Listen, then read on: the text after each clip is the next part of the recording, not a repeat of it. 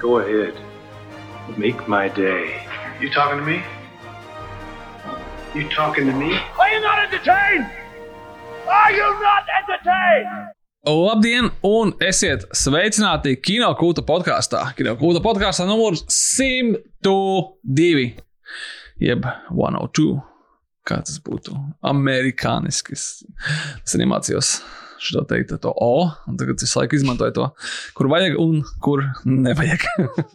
kino kūta ir projekts, kurā mēs fanojam par kino kopā, un kino kūta podkāstā mēs runājam par un ap kino. Kas notiek ar kino pasaulē, kas notiek ar kino Latvijā un kas notiek ar kino kino kūtā. Un podkāstu vada šoreiz, un arī daudzreiz jūs jau iepazītā kino kūta komanda. Es, Sergejs Timoņins, uh, kinokūta saprāta balss Līvas Pandega Čau! un kinokūta tehniskais direktors Toms Cielēns. Hello there. Šoreiz nav mums viesa. Tiksim galā paši. Lai gan mums uh, ienācās daudz labu atsauksmi par stimto podkāstu. Sergejs mūsu atauga, bet, ja mēs viņu aicinām, tad viņam jārunā par mākslīgo intelektu. Tas nevis par, nevis par kino. Jūs jau nezināt, bet tas nebija Sergejs Musātos, tas bija viņa radīts mākslīgais intelekts. Tas bija tas chatbots. Man jau liekas, ka to varēja saprast. Viņš izslēdz vienā vietā, kam, vienā brīdī kameru, kad mēs rakstījām. Noraustījās, tas un tad mēs tā sapratām, ka, kāpēc ir tā kā iefrīzē. Nu, labi, tas nav svarīgi. Bet droši vien jau, kad nu, jau uzaicināsim vēlreiz, tad jāsāk uzdot visādi āķīgi jautājumi, uz kuriem mākslīgais intelekts nevar atbildēt, vai arī viņš atbild. Sorry, I can't do it, Dave. Ask again later. Vai ne? Un tā, bet uh, šoreiz ir uh, pirmkārt. Paldies, iet ārā mūsu patroniem. Mums ir beidzot patroni, ko mēs varam pieminēt arī podkāstā. Lai gan uzreiz jāatvainojas tiem patroniem, kuri kādreiz nav pieminēti podkāstā kāda iemesla dēļ. Bet mēs mīlam visus pilnīgi un vienādi. Tā ir? Protams. Vai, Ja kādam liekas, ka mēs kādu aizmirsām, uzrakstiet, un tad mēs pieminēsim. bet rakstiet privāti, nevis publiski. Viss kārtībā, visas mīlam, visas, visi dabūs visu, kas viņiem kā patroniem pienākas. Arī Marks un Anna apsveicam jūs. Paldies, ka kļuvāt par mūsu patroniem. Un at- atcerieties, ka pateicoties jums un arī visiem pārējiem patroniem, kas mūs klausās, šis podkāsts īstenībā arī top. Un tie nav meli, un nav, tas nav pārspīlējums. Tas tiešām tā arī ir. Podkāsts tiek finansēts praktiski tikai vienīgi no patronu atbalsta. Un šodien uh, mēs uh, gan patroniem, gan visiem pārējiem, kas mūs klausās, un vēl nav mūsu patroni, bet zinām, ka drīzumā jau pavisam, pavisam drīz kļū- kļūs uh, par jaunumiem Hovudā, par jaunumiem Latvijas kinoteātros, par jaunumiem kino kulta seansos un par to, ko mēs esam noskatījušies. Bet sāksim mēs ar Good news, everyone! šausmu kino ziņām, jo šo podkāstu mēs ierakstām šausmu kino nedēļā. Mums ir uh, divas ļauno miroņu filmas šonadēļ. Viena jau bija, kad mēs šo rakstām, otra tikai būs. Nākamajā podkāstā parunāsim par Evil Dead Rise. Kā arī mēs saprotam, ka asapcitu kinoteātros ir jauna šausmu filmas Renfields un Pāvesta eksorcists. Es ļoti gribu noskatīties, bet es neesmu redzējis. Es ceru, ka nākamajā, viņa kādu laiku ir kinoteātros. Bet uh, nākamajā podkāstā varēšu jums izstāstīt vismaz par vienu vai cerams par abām šīm filmām. Mans guilty pleasure ir Rasels Krauss savā dušīgajā periodā, kā es viņu saucu. Kurš sākās, Insert heavy grunting. sākās ar to unhinged filmu. Tā bija brīnišķīga, brīnišķīga savā neprātā. Teiksim, tā nepārprotiet mani. Es no tā Popes Exorcist esmu redzējis tikai vienu kadru, kur viņš brauc uz tā skūtera, tajā savā mācītāja apģērbā. Pagaid, tas nebija šis te. Pope on a boat. Po, nē, tas nebija tas, kur bija uh, bilde ar uh, Orstonu Velsu skūteri.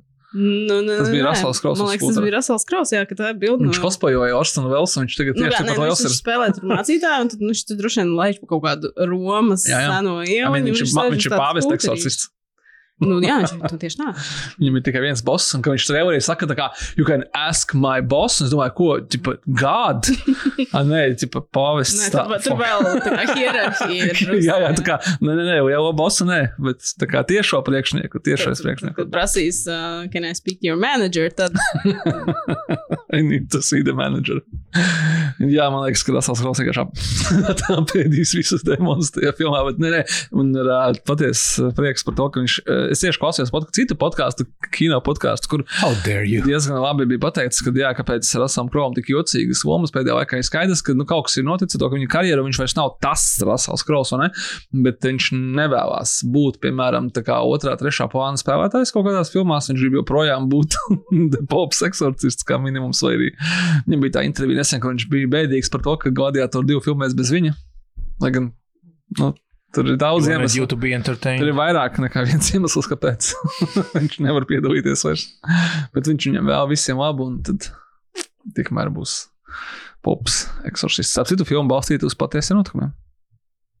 Kā jau visi eksorcisti. Nu, jā, mēs nevaram tos pārbaudīt. Lai kā arī būtu, jā, ķersimies klāt pie šā. Mums bija, kāpēc šausmu kino ziņas arī tāpēc, ka mums ir sakrājušās diezgan daudz. Tas ir viens no maniem mīļākajiem žanriem. Tad pēdējo mēnesi, kad mums tur iztrūka podkāsts, un tad mēs runājām par citām lietām. Un par mākslīgiem intelektiem un vispār ne, neapskatījām ziņas.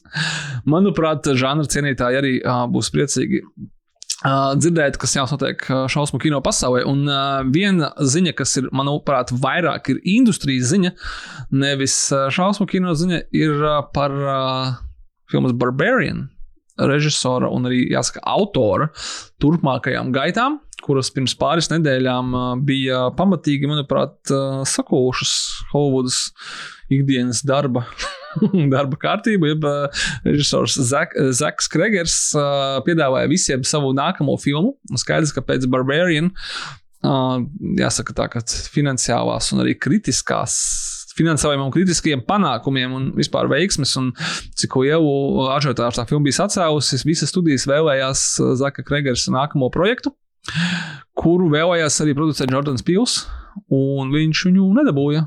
Un, uh, ņemot vērā to, ka Jordans Pils izrādās esot ar Zeku Kregersu sadarbojies jau vairāk kā 11, 20 gadus, viņam ir bijušas uh, kaut kādi kopīgi projekti, un viņš bija domājis, vai teiksim, tā, cerējis, ka, hei, tas taču ir mans buddies, un es viņu paņemšu pie sevis, līdzīgi kā viņš tagad teiksim, bija producējis Candyman uz, uh, pie Universal, un, uh, un Zeks Kregers teica, ka nē, man uh, New Line Cinema, kas ir uh, studija, kas ir uh, zem Warner Brothers un Atcerēsimies, New York Cinema pazīstams arī kā The House That Freddy Built. Tā, viņa tā bija viņa pirmā lielā finansiālā veiksme, Nightmare on Elm Street. Piedāvāja viņam labākus noteikumus, protams, fināla cut, jeb galējā montāža un mm, diktēšanu, kā viņš to savu filmu gatavos. Un uh, Jordans Pils bija tik ļoti apvainojies, ka atlaida savu aģentu un managementu. Par to, ka viņi nevarēja sarunāt šo divu, kā how dare they. Bet, būsim godīgi, Jordana Pilam viss būs kārtībā īpaši ar viņu nākamo filmu, kur jau ir anoncēta uz nākamā, jeb 24. gada Ziemassvētkiem. Es ceru, ka tā būs tāda Ziemassvētku pasaka, tā kā Violent Night stilā. Ai, Bet kaut- sirds salūzusi droši vien. Nu, skaidrs, ka viņš bija vīlies par to, ka šī senā draudzība uh, nepalīdzēja. Holivuda lauž draudzības, nauda uzvar. Nē, nē, bet tieši tā, jā, un Zaks Kregers savu nākamo projektu pārdeva par 30 miljoniem. Studijā Ņūvainā. Tas ir ieskaitot filmas ražošanu. Un tā, bet 30 miljonu sudraba grašu. sudraba graša, vai ne? Un viņš uh, filmu, par, mēs par filmu neko nezinām, izņemot to, ka tā būs horror epic un sauksies Weapons, kurā galvenā loma iespējams atveidos Džeks Kveits, Denisa Kveita dēls, kuru jūs pazīstat pēc seriāla Boys. Atcerēsimies arī to, ka uh, Zaka Kregera iepriekšējā filmā maksāja šeit 6 miljonus, un viņš tur tā nauda krāja kaut kādus gadiem ilgi. Neviens viņam nedēļa, un tagad reku visi piedāvāja, un, uh, un, un tā. Nu, skatīsimies, kā būs, bet skaidrs, ka mēs ļoti gaidām, ko viņš tur būs sagatavojis. Uh, tāpēc pāriesim pie nākamās ziņas par sīkveliem, kurus mēs negaidījām, vai arī drīzāk, kurus mēs mums vajadzēja gaidīt. Un uh, pēc tam, kad Scream nu, jau gatavo septīto filmu un ir uh, atpakaļ uh, šausmu kino topos, ir kāda cita. Uh, Tā paša laika filma, kura ir uh, sapratusi, sapratusi ka vajag taisīt turpinājumu. I know what you did last summer. Nesen vēl seriāla formātā. Es nevaru slīpt, tu man teici, ka tu skaties viņu. Nē, tur bija kaut kāda traģiska atsauksme, man liekas. Nu, tad es nezinu, ka ļoti sliktas. Jā, jā. Cilvēki neuztvēra, nepieņēma I know what you did last summer seriāla formātā. Bet mums jācer, ka pieņems filmas formātā, jo Jennifer O'Hewita un Fredijs Sprints juniors. Ja es tagad pareizi atceros, tad tie ir dzīvi palikušie oriģinālās filmas un arī otrās daļas. Bet bez skatīšanās Google es tagad nepateikšu, vai es pareizi atceros, ka bija arī trešā daļa ar citiem aktieriem, vai arī bija I Know What You Did Last Summer. I Still Know What You Did Last Summer, bet tehniski nepareizi, tāpēc ka tas būtu bijis Summer Before Last Summer. Un man liekas, ka bija arī trešā daļa, bet nav svarīgi, nepārbaudīsim to. Nav, nav tik būtiski. Bet svarīgi ir tas, ka skatoties visticamākais tiešām mērā uz kliedziena panākumiem, mūs jau pavisam drīz gaida pavisam oficiāls nākamais I know what you did last, last, last summer. Es tagad skatos, ka trešo filmu sauc I'll always know what you did last summer. Es ceru, ka šo filmu sauc I never knew what you did last summer. What did Man- you do last Bet- summer? Tas man liekas, uh, nezinu, kāpēc es tikai vienmēr atceros par to, I know what you did last summer, un to, to ainu, kur viņi notriec to cilvēku, un tad es saprotu, ka manā galvā tā ir tā aina no scary movie, kur viņš jau ietriec sastajā kokā ar galvu, un, un kad es neatceros to viņā, un es atceros to parodiju. Ah, gan jau, ka I can't remember what I did last summer. tur ir tik daudz Tā variantu. un Tā tur ir cita veida tik- šausmu filma. Tas ir, tā ir hangover jaunā yeah. remake daļa. Nu, lūk, uh, konkurenci uh, šai filmai, kā atcerēsimies, ar Novaču Lidojas Summer iznāca 1997. gadā. Nu, pirmā reize, un tagad ir 2023. un šī iznāks laikam 4. Konkurenci uh, visvēlākajā sīkvelā sastādīs uh, filmu, kuru mēs, manuprāt, neviens negaidījām, ka mēs redzēsim. Uh, viens, vēl viens, gandrīz pēdējais no savulaik leģendārā projekta Grindhouse fakeajiem traileriem, tomēr beidzot uh, ieraudzījis dienas gaismu. Atcerieties, mēs sagaidījām mačeti, mēs sagaidījām Hobo with a Shotgun. Bet tur bija uh, Ilija Rota šausmu traileris Thanksgiving par attiecīgi slepkavībām ne Helovīnā, ne Ziemassvētkos, ne Melnajā piekdienā, bet uh, šajos mums ārkārtīgi svešajos pateicības dienas svētkos. Bet laikam jau, kad uh, tik grūti dzīvē ir un neko vairs nav ko filmēt, ka uh, Thanksgiving tomēr taps. Šī paša Rota vadībā. Tik grūti, ja tāpēc, ka, manuprāt, šobrīd viņa lielbudžeta video spēles ekranizācija Borderlands pārfilmē cits cilvēks, jo tur kaut kādas ir ļoti, ļoti, Wow, ļoti, pazu. ļoti liels problēmas. Viņu Jā. pārfilmē Tims Millers. Ai, Lai gan Ilijas Rots saka, viss kārtībā, es ar manu svētību, man ir jātaisa mana filma Thanksgiving, mans sapņu projekts, kurš man šeit ir, nezinu, kaut kāds dažs miljonus vērts. Un Tā, kā tā ir super mikrobudžeta filma, kamēr Borderlands ir. Tur simts miljonu filmu kaut kas tāds. Tā kā skaidrs, ka tur nekas nav īsti labi. Jā, tā filma diemžēl pazuda. Neskatoties to, ka tur ir Jamie Lee Curtis, Oskara balvas ieguvēja Jamie Lee Curtis, tur ir Keita Blanchett arī. Keita Blancheta. Jā, Un, protams, viņi- tur ir arī Kevins Harts. Tur taču viņiem iznāca vēl tāda tā pirmā tīzera bilde, kur visi tie personāļi tādā, tādā tumsā Nu jā. redzami, un tad tur bija tā, nu, tad tūlīt būs, un tad, nu, tad nu, vēl nav. un tad, ja tā bilde iznāca Jā, jau. Exactly. Tā filmai bija jāiznāk 2021. Kaut gadā kas vai tāds, jā. 20. Jā, kaut kā. Nu, nu, jā. Nu, labi, nu, kā, varbūt tur tiešām sa- sakasījās tik ļoti, ka viņam vajadzēja aiziet lāpīt, uh, lāpīt sirdi ciet ar kaut kādu savu sapņu projektu, kuru viņš beigās arī attiecīgi realizēs. Nu, redzēsim, kā būs. Bet, ja jūs kopš uh, Grindhouse, kurš iznāca 2008. gadā, es nemaldos, kaut kas ar to Grindhouse laikiem gaidījāt, nu, kad tad beidzot būs tas Thanksgiving, tad, nu, tad tā kā būs. Person, yep. Zini, ko es gaidu? Kur ir tās filmas, kas ir Tropic Thunder traileros? Satan Savai. Jā, un kas tur vēl viņiem bija? Mums solīja Satan Savai, mums ir solīta solo filma vai seriāls par Lesu Grossmanu, Toma Krūza izpildījumā. Bet nē, taču nesen, nesen bija kaut kāda ziņas, kur bija Toms Krūzs kā Lesu Grossmans kaut kādā balvu pasniegšanā atkal. Es šitam baigi nesakoju līdzi, bet nu, pēdējā gada laikā viņš bija kaut kur parādījies. Un tad atkal, atkal uz, uzvirmoja tās sarunas, ka šim tēlam ir kaut kur jāparādās kā savā filmā vai citā filmā vai kaut kas tur. Man liekas, tas vilciens gan ir aizgājis. Nu, Toms Krūzs ir mazliet cits. Gan, vēl, nu, Gan tā- tas, gan man liekas, arī tas tēls. tas tēls, jā, ka viņš mūsdienu apstākļos vairs nebūtu tik Confession Time smieklīgs. man nelikās smieklīgs, turpīgi Andris tad, un es nesen viņu pārskatīju. Nu, pirms diviem gadiem, un viņš likās vēl mazāk smieklīgs tagad. Tur sorry. ir momenti, bet Ir momenti, jā, visa pati tā doma, ka viņa parodē man patīk, bet nu, viss tas tā, tā garīgi atpalikušā Jā. līnija, kā kāds Bet ir vienkārši. specifiski par to Tomu Krūzu. Man liekas, tas, tas producenta tipāžs. Nu, ka mēs smējāmies par Weinsteinu, un tagad jā, mēs vairs nesmējamies, tāpēc, ka tas nav īsti. Viņam līdzīgi, kas tur uh. Skots Rudins ar saviem anger management issues un pārējiem. Ka vairs tas nav tik smieklīgi, kāds varbūt to brīdi likās. Nu, lūk. Vēl viens ā, cilvēks ā, mums ļoti tūs no autoriem, kurš vienmēr balansē uz komerciālu kino un autoru kino robežas. No, būsim godīgi, neko viņš nebalansē. Viņš ir absolūti un vienīgi autoru kino žanrā Davids Laurijs. Neskatoties uz to, ka ik pa brīdim viņš tā kā nu, savai iztiku pelna Disney studijā. Ar Tūlīt Pete's viņam Dragon nāk un ārā, tieši tā, uh, Pan. Pans un Wendy. Bet, kad viņš tā kā grib kaut ko īstenībā realizēt, tad viņš taisa vai nu Green Knight vai Ghost Story pie A24. Un uh, viņš turpatās uh, studijā A24 taisīs, veidos, piedošanu, viņš taisīs, uh, radīs savu arī nākamo filmu mūziku, episko popmūzikas mūziku Mother Mary ar uh, Enu Hataveju un Maiku Kolu. Mikēlu, piedošanu, Kolu galvenajās lomās. Nu, interesanti, manuprāt. Kā tev šī ziņa iekrita šausmu kategorijā? Es kaut kā pieņēmu, ka. Uh, Šausmīgi gaida šo. pieņēmu, ka Davids Orijas taisa šausmu filmas tādā citādā veidā, vai vismaz ar šausmu kino elementiem. Nu, tādā ziņā, ka uh, es kaut kā saprotu, ka tas būs kaut kas tāds kā Mother, bet varbūt arī nebūs.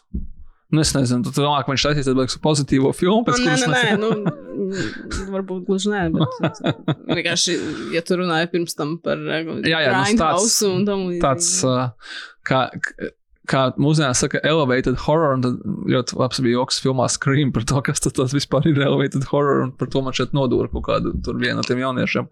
Tāpēc, ka tas saka, un nebija elevated horror cienītājs, vai arī viņam viņš nepatika kaut kāds pretenciozie tīneģeri, kas teica, ka viņam patīk.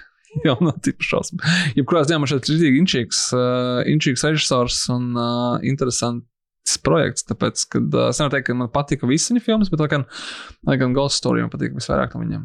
Lai gan arī laikam, visjocīgākā no viņam, viņa filmām. The Green Knight bija fantastiska. Mm, vizuāli. Bet nes, es nesapratu, kā to filmu. Es atvainojos. Nē, nu, tad, Tad tad, ir piedots. tādā ziņā, ka es nezinu, par ko jāatvainojas. Jā, viņa diezgan sarežģīta, kur tur robīt. Nu, tā kā Interesanti. Interesanti. Es skatos, ka šai filmai viņa jaunai mūziku rakstīs Džeks Antonovs un Čārlija. XCX. Tā kā interesanti arī tādā ziņā būs. Uh, es, Nu, precīzāk sakot, uh, dziesmas viņa rakstīs. uh, es sapratu, kāpēc, uh, kāpēc šī ziņa man ir trāpījusi pa vidu. Tāpēc, ka uh, es viņu sajaucu vietām ar citu ziņu, kur ir vēl viens jauns projekts.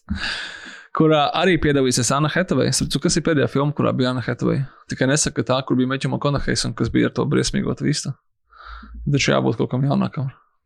Witches, tā, tā bija aptuveni, tā bija bišķi vēlāk, jo tā iznāca Covid laikā, viņa iznāca uh, diezgan ātri pēc tam arī straumēšanā.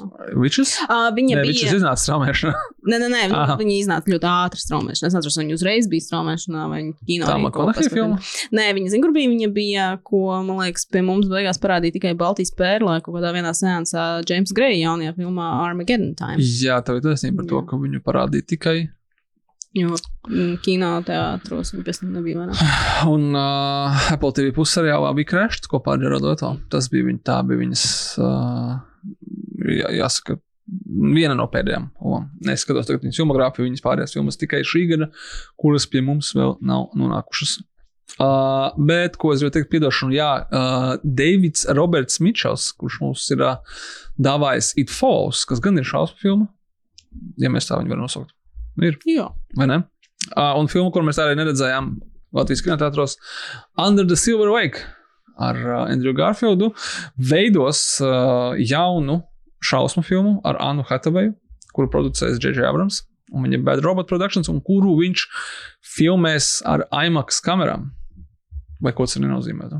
Vai nu tas būs kaut kas ļoti, ļoti vizuāli efektīvs, Nu, līdzīgi kā Nope, atcerēsimies, no Jordana Pio, vai nu tur ir kaut kāda cita ideja, kāpēc tas ir izcelts šīs filmas anonsā, kurai nav pat nosaukums pagaidām, vai vismaz mēs to nezinām, un ne sižets, ne apraksts, nekas cits izcelts nav. Bet, nu, pieņemsim, ka IMAX ir svarīgāks.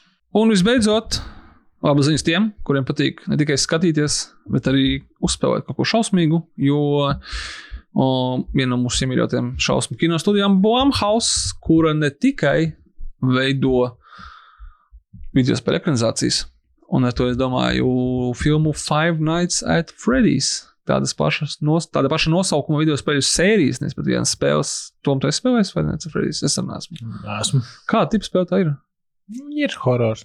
Tur kaut kas tāds, tur kaut kas pašam jādara, vai tur caur kamerām jāvada kaut kas tāds. Tā, Ja nebija. nemaldos, tur ir tas, ka, nu, tā kā, jā, ka tu paliec tajā viesnīcā pa nakti, un tad tie Fredijs un vispār tie animatronika atdzīvojās. un tur Vēl uz vēru, tur ir vācis vēl tāds. Tur, Čopotē, es nezinu. Viņi ilgu laiku man šeit mocīja to Five Nights at Freddy's, kas idejas līmenī saprot, kāpēc. Nu, kam, nu, viņi tikko iztaisīja filmu Megan. Ja?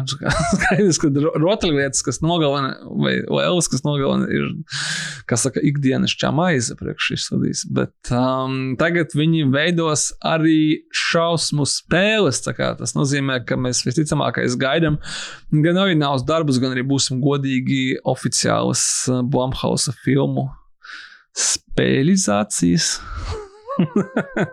Vienīgais, ko es īsti nesaprotu, kā to var pārcelt, ir tas, ka Blumhouse ideja ir tāda, ka visām šīm filmām ir ārkārtīgi mazi budžeti, un jas tiek taisītas ļoti ātri, un, bet, nu, ja izšauj, tad ir, um, teiksim, tā, tiek dotas iespējas oriģinālām idejām un jauniem autoriem. Man liekas, ka spēļu industrijā tas tā īsti nestrādā. Nu, tā ziņā, ka tas ir daudz, daudz grūtāk. Un tādi piemēri, kur viens cilvēks uztaisa spēli, kas ļoti, ļoti populāra, ir Minecraft un Tetris, varbūt tā kā. Starp kuriem ir 20 vai 40 gadi. Nu, es tagad neskaitīju, bet nu, domāju, sapratāt, ka tā kā tādas, nu, tas, tā iespēja, ka tas sanāks, ir daudz, daudz mazāk. Tomēr lielāka iespēja, ka kāds, lai gan vien kaut kāda indijas spēļu žanra, pieks, sapra, žanra ne, bet uh, scēnas uh, pārziņā varētu arī mums pastrīdēties. Tā kā varbūt ka sagaidīsim kādu šausmu spēļu eksperimentus no Bumhausa. Lai gan es tikko sapratu, Tom, kad uh, kā mēs kā spēlētāji kā zinām, ka uh, žanrs, kur nu, tas staigāšanas simulators, kur tu staigā pa pamestu māju un kaut ko tur pēti un viss rakstīts tekstā, ir, nav nemaz tik dārgs izstrādājums. Es domāju, ka visticamākais tādas spēles arī būs. Un atcerēsimies, ka citi filmu veidotāji. Anapurna Interactive tieši ar tādām spēlēm, kā What Happened to Edith Finch, arī ir izbraukuši. Tās ir, var teikt, jā, tāds ne, neatkarīgo spēļu žanrs nepārāk dārgas izmaksās, bet vairāk tāds kā mākslinieckais izteiksmes līdzeklis, vairāk nekā spēle, nekā Counter-Strike.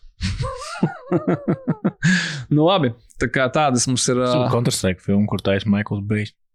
Tādas. Tas ir viss viņa Nu, filmas. tas- jā. To- tā skaitās spēles ekranizācija? Bengāzijas Soldiers. Es vienkārši gribu, lai tā ir spēles ekranizācija, un tas tā kā ir. Oh! Kaut kādu varētu tagad pateikt citātu no Counter-Strike, kas parasti tajā raunda sākumā ir, bet es esmu aizmirsis visas. Nesmu spēlējis. Ok, let's go! Jā, jā, lūk, lūk, šitais. bet pagaidi, kas notika ar Call of Duty filmu? Viņu visu laiku taisījās, veidot, taisījās, veidot, taisījās, veidot. Un, manuprāt, tur beigās bija tā, ka jau tūlīt sāks filmēt, un viņu plānoja veidot režisors uzvārdu Solima, kurš veidoja arī Lievas vienu no mīļākajām filmām Sicario 2. Day of the Soldado. Bet, laikam, jau ka nekas nenotika, tāpēc, ka Call of Duty filma mūs tā arī vēl nav sagaidījusi.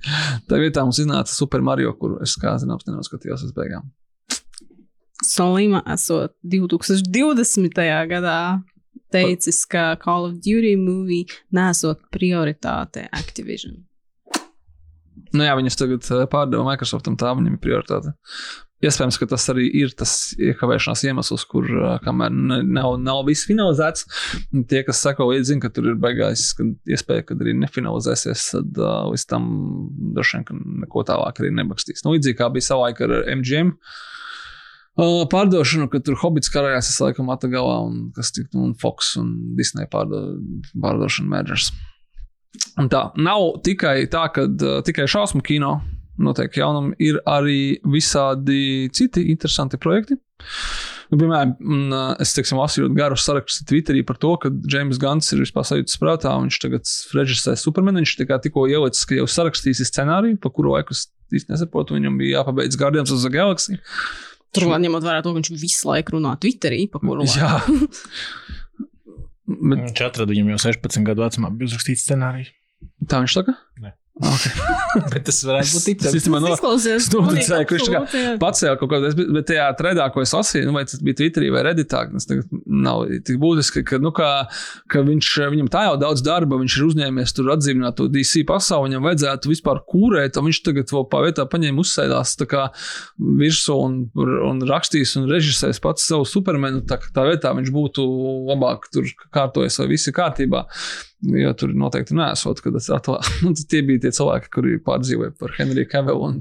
Zini kā, bet man liekas, tas varbūt ir tas klasiskais gadījums, kad tu, tev ir kaut kāda milzīga miskaste, kas tev jāsakārto. Tu īsti no sākuma nesaprati, cik viņa ir milzīga. Tad tu sāc kaut ko darīt, un tu saproti to apjomu, un tad tev vienkārši nolaiž rokas, un tu sāc ar kaut kādu nu, to, If you want to think done right, you gotta Vienu- do it yourself. to patīkamo darbiņu, kur tu izliecies, ka tu vismaz kaut ko esi izdarījis, bet tur viss tā drāzs stāv to fonā. Bet Viņš tu vienkārši- vismaz kaut ko esi izdarījis. Viņš uz desktop ap, aptvēra ma mapīti DC un bija, oh, no, no, no, no, no, no.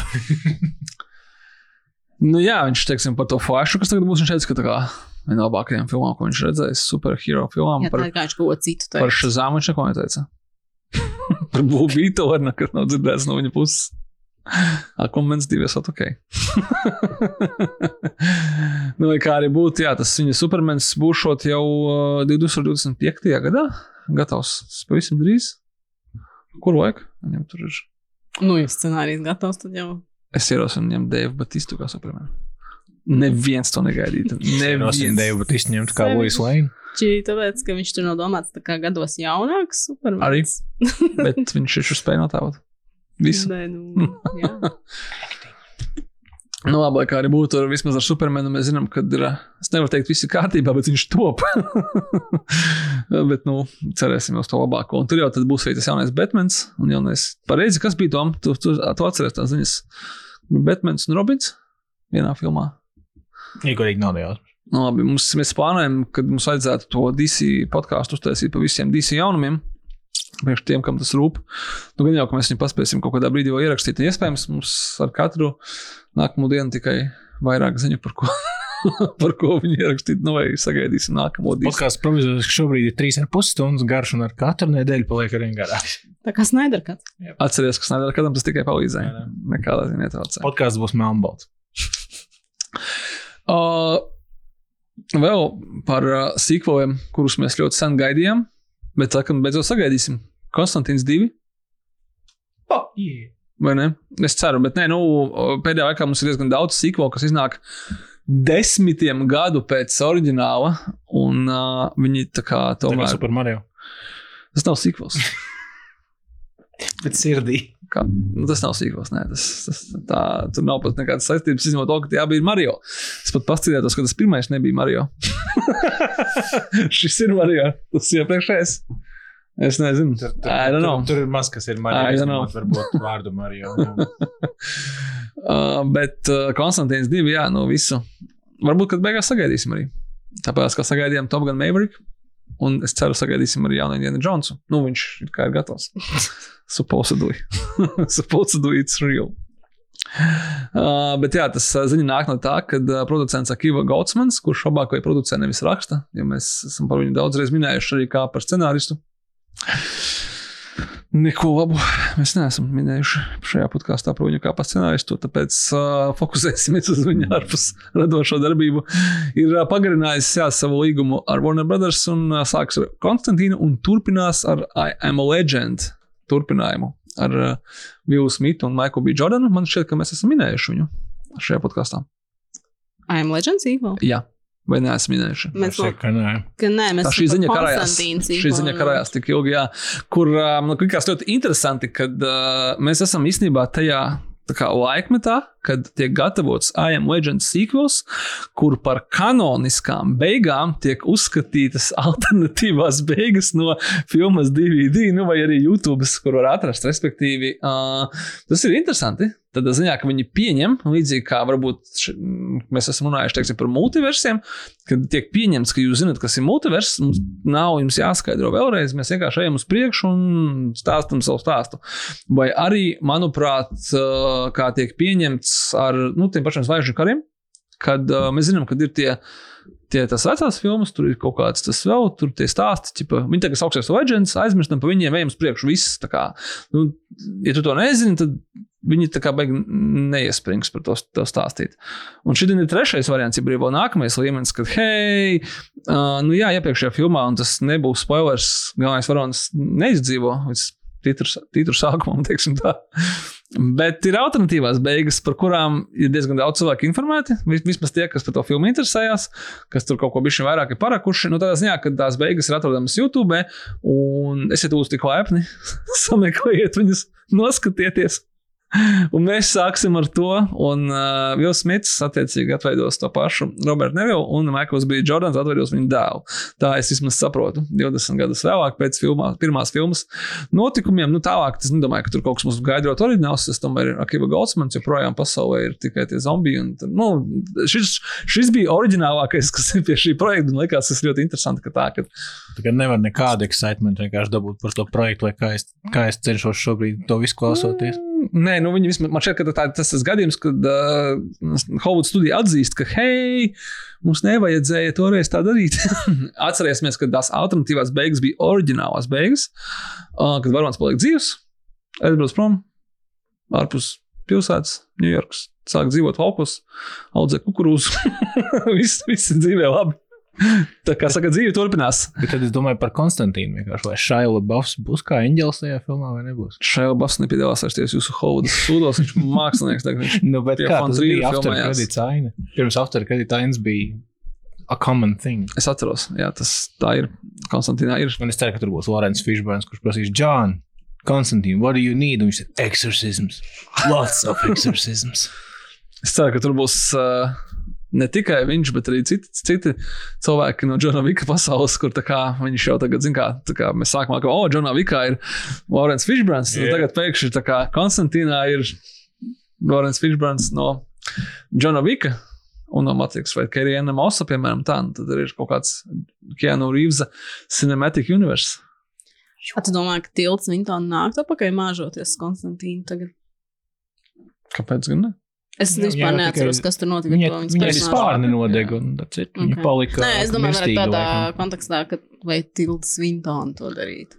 Jo, nu, zināmā mērā, 2000, kurā 5. 8. gadā Konstantīns iznāca. Mm. Tā droši vien bija bijusi cita tilts Vintona Nekā tagad? Nekā tagad. A, Viņi pēdējā laikā bijusi kaut kādā izteikti komerces projektā. Toreiz viņi bija diezgan daudz, manuprāt. uh, un Strange. nu labi. Tad jau tas man šķiet, ka jau viņa tā kā ir ok ar šo tādu for fun. Bet man liekas, viņa, nu, tā kā, nu, jā, droši vien atkarīgs, kāda, kā, kas viņai tur būtu ko darīt. Jo man liekas, teiksim, viņai gribas darīt kaut ko, nu, kur ir kaut kas interesants un dīvains. Jo, nu, teiksim, ka viņai tur bez matiem, viņa tajā doktoros hmm. Strangeos un tur tādu, cik tur ne, gandrīz nemirstīgu būtni. Tā, un, nē, nu, kā droši vien, jā, kāpēc ne? Mēs, mēs zinām, ka atpakaļ noteikti nebūs Reičo Vais. mēs pat zinām, kas viņu aizvietos. Nu, kas viņa mūmija aizvietoja? Marija Bela. Mm, kā, Mēs zinām, ar ko tas beidzās. nu jā. Es tik ceru, ka būs Pīters Stormers atpakaļ. Nē, nu bez Pītera Stormā Satan. tur nebūs, tā nebūs filma. Tā kā es tur, tur tā kā diezgan skaidrs. O, vēl viens, o, abas ziņas ir no mūsu drauga Guillermo del Toro pēc uh, Pinocchio Būs tas live action. iegūtā. Pinocchio. Jā, be- beidzot arī live action Pinocchio. Bet uh, nu, viņš jau saprot arī, ka uh, Netflix ir tas, kur var mierīgi strādāt un nečakarē neviens prātu. Un, uh, nu, nekā, nu, tad es cilvēki visā pasaulē skatās, un pat jau uz televizoriem, un saviem, nu, drīzāk telefoniem un planšetēm. Tad, uh, tad nu, ir laiks uh, pienācis, diemžēl, ne. uh, The Mountains of Madness, gan es īsti nesaprotu, kādā sakarā, kādā sakarā viņš viņu netaisa. Taču Viss ir, ka Netflix nauda ir. Un, uh, un, un taisi priecīgs. Bet nē, vienam citam Del Toro ilgu, ilgu laiku sapņotam projektam par doktoru Frankensteinu. Kā es, es atceros, es nocitēju pats sevi no Radio 5, ā, kur es to nabaga dīdžeju, kas tur aizvietoja mm, ierasto dīdžeju, es viņu konfūzoju. Bet es uzdošu šo jautājumu arī jums, un man ir interesanti, jums, es domāju, jums arī tā skatā klausītājiem. No, kurš no sekojošiem literārajiem personāžiem jums ir nahrien apriebies kino? Trīs muskatieri, Šerloks Holmes, Robins Hoods vai Drakula? Atbilde ir. Atbilde Frankensteins netiek pieņemta, ja tas ir par Deltoro jauno filmu, bet no iepriekšējiem nosauktiem. Public domain personāžiem. Laikam, Robin Hoods ir bijis šī tā apnicis. Nu, Tur pagaidām ir mieriņš. Es tev iepriecināšu, neviens jauns Robin Hooda projekts, kamēr pagaidām nav, man šķiet, in production. Tas pēdējais ir Tāra un Edžertona, laikam, un Jamie Jā, Fox. laikam, Tā Foxa. nobombīja, laikam, ka es to pat neredzēju. Es redzēju, viņi centās tur kaut kādu. Vai... Viņi izņēma no public domain. Nedariet to. Lūdzu, Hooda pēc taču nopirka tiesības un teica, ka moratorijas 50 Vienkārši mēs gadus kā sabiedrība vienojāmies, ka jā, lūdzu, nē. Bet man tikko radās jautājums, vai Pinocchio un Frankensteins kaut kādā mērā nesanāk viens un tas pats? Jā, exactly. Damn. Nu, jā, ka tur ir dēds, kurš atdzīvina to tā kā nedzīvais, kļūst dzīves, un tad viņš nogalina savu veidotāju, bet es nezinu, vai tas Pinocchio, es, es tā arī nenoskatījos to, to, to Pinocchio, viņš nenogalināja to papu karo vai nē, bet gribēju, gan jau, gan jau, ka viņam domas bija tādas, ka man viņš jau vēl, ka ir iedzīvoja, iemiesājies nelabais. Es esmu redzējis citas filmas, kurās vēlēs iemiesājās nelabi. Viņi vis, viņas visas grib Es nogalināt. nevarēju neskatīties līdz beigām, jo tas ka, nā, To, to pu- puppet master, teiksim, tur tā kā vienmēr viņas grib nogalināt sākumā to radītāju, pēc tam tos, kas viņu atdzīvināja, pēc tam visus pārējos, kas ceļā ir. Sākot ar ģenitoru. Jā, bet jūs tā neatbildējāt par to. Nu, labi, uh, piedošanu, Tom, tu atbildēji. Robins Hoods, Olīva. Muskatieri, Holmes, Drakula. Es laikam, muskatieri, nu tagad ir tā jaunā filma. Par muskatieriem. Kinoteātros, Jā, bet viņi salīdzinoši, nu, nav, man liekas, laikam, tik briesmīgi daudz bijuši. Tā ir pēdējā, ko es atceros, bija tā, kur Orlando. Bloom bija tā ar Kristofu Laucu. Lidošajām kuģiem, Mm. Kur Fauls Andersons nesaprata, ka viņš netaisa Resident Evil vai kaut ko tādu. Jā. Līdz brīdim, ka viņš- nu, tu nosties. Viņi nebija kaitinoši, Ok. okay. bet viņi bija tādi. Mm, Bet tas jau bija Why? pirms, nu, desmit gadiem. es Jā, viņam arī bija filma par Pompejiem, kur man šeit Tā bija ļoti slikta. tā bija tā kā. Ir tā kā Tur bija tā kā Kits Harringtons bija vēl sliktāks. Viņa beigās pusstundu bēga no. Un Jā. Nē, es bēgu. Spoiler alert. ā, bet, jā, jo tie, nu, man liekas, viņi tādi mazāk tomēr novazāti. Tad bija muskatieri, kur bija Brian Adams dziesma un Kris O'Donnells bija D'Artagnans. Disneja muskatieri. Kīfers Sazarvans bija Atos. Tad bija cilvēks dzels maskā Jā, ar DiCaprio. Tad Man bija patīk. kaut kādi muskatieri, kur bija kung fu iesaistīts pēc Matrix uzreiz. Tādi Bet tas arī bet tie bija. jau viss ir. Nu, tā kā, nu, tas, tas nav pēdējo desmit gadu laikā, jo teiksim, pēdējo desmit, piecdesmit gadu laikā ir es nezinu, cik Sherlock bijuši. Kādi trīs, četri. Sherlock's amerikāņu, Sherlock's britu seriāls, tad. Roberts Downijs Roberts juniors. Downeys. un Kaut kādi vēl atvasinājumi. Enola. Vot, jā, jā. Enos, Eno, un tur bija jā, Henrijs Kavils. Super. Re, Mums jau Super sanāca. Jā, Tā ka tas droši vien ir tāds, nu, ko varētu. nu, Mums tagad ir daudz citu detektīvu. Mums ir Benoit Blanks un vēl visādi citi personāļi. Sherlock varētu likt mierā uz kādu brīdi. okay. Nu, kā arī nebūtu, bet, uh, ko tu pareizi teici, Frankensteins no Guillermo del Toro, kurš turpina kaut kādas realizēt savus uh, sen. Viņam bija tas Frankensteina projekts ļoti, ļoti ilgu laiku, un ir viņš pat atradis cilvēkus, kas atveidos. Nav tikai skaidrs, ka īsti ko. Uh, Oskars Aizeks, Andrew Garfields. Ot, kurš būs kurš? Viens būs Frankensteins. Nu, es domāju, ka. Aizaks būs Frankensteins un Garfields monstrs. Garfields būs Igors. Vismaz tas būtu mans minējums. Vai Aizeks vairāk ir tā kā? Tu domā, ka Aizaks vairāk izstāsta salipināts kopā no dažādām Nē, viens būs? Igors. Jā. Monst- Nē, nu, respektīvi, man liekas, nu, tā, Monstru Aizaks tēlos, ir. tas tur viņa ir džeks, kas ir metāla monstrs. Dievs Batista. viņš grib paplašināt savu acting range. Nē, es domāju, Dārgs Jones, kurš tēlo visas monstrus. Ā, nu, viņam ir vienkārši aizsista vieta, kā monstram. Tur tu nevari. Nu, es saprotu, ka tu vienkārši nosauc šos aktierus. Es iedomājos tādā kombinācijā, bet tikpat labi var arī būt otrādi. es nezinu. Nu, es tā laikam nevaru. Man liekas, ka tur jābūt kaut kādam, kaut kādam pārsteigumam. Ka, nu, tā ziņā, ka kaut kas kā, ja es domāju kā, to monstru personāžu, ka, nu, labi, es laikam domāju to Kamerbaču un Džoniju Līja Millera versijā, to, ka tas monstrs tur drausmīgi fiziski visādi izlocījās un yeah. tur līda un tā. Un es vienkārši laikam instinktīvi vairāk iedomātos Garfield darām kaut kādas tādas lietas. Ar- Nu, kā viņam tur tad garās viņa rokas un tāds kieviņš un arī tāds. Andrew Garfields ir doktors Frankensteins un Oskars Aizeks ir Mrs. mērs tai pilsētai, kurā viņš dzīvo, kas sākumā ar tiem pitchforkiem nāca pie viņa. Čalis, kurš ražo piču. Jo šī filma ir no mēra skatu punkta, kurš saprot, Ah. ka viņa pilsētā ir trakais doktor Frankensteins. Līdzīgi Nu, kā tad ar to varēja sākt. Nē, tā nav. Es gribēju teikt, līdzīgi kā Savoja Kridlīs Skots, kurš gribēja filmēt Robinu Hoodu no Ā, pag- Nottingemas šerifa skatu Ah, punkta. tu, tu fantazē? Jā, jā, protams. Nu, tu saki, tā kā, tas tiešām tā ir. Un tad Rasels Krauss parakstījās uz to lomu, jo viņš domāja, ka uh, viņš būs Nottingemas šerifs. Un tad pēc tam izrādījās, ka Nottingemas šerifs un Robins Hoods ir viena tā pati persona, bet beig, beigās viņi uzfilmēja vienkārši standarta Robinu Hoodu ļoti tādu neoriģinālu. Sastrīdējās ar Ridliju Skotu un vairs nefilmēja nevienu filmu kopā. Tā ir viņa pēdējā filma. jā? Man liekas, ka jā. Viņam bija diezgan labs run, bet tad viņi tur sačakarējās tieši pie šīs. Man liekas, ka pēc tam viss tas viņam iepriekš bija filmas.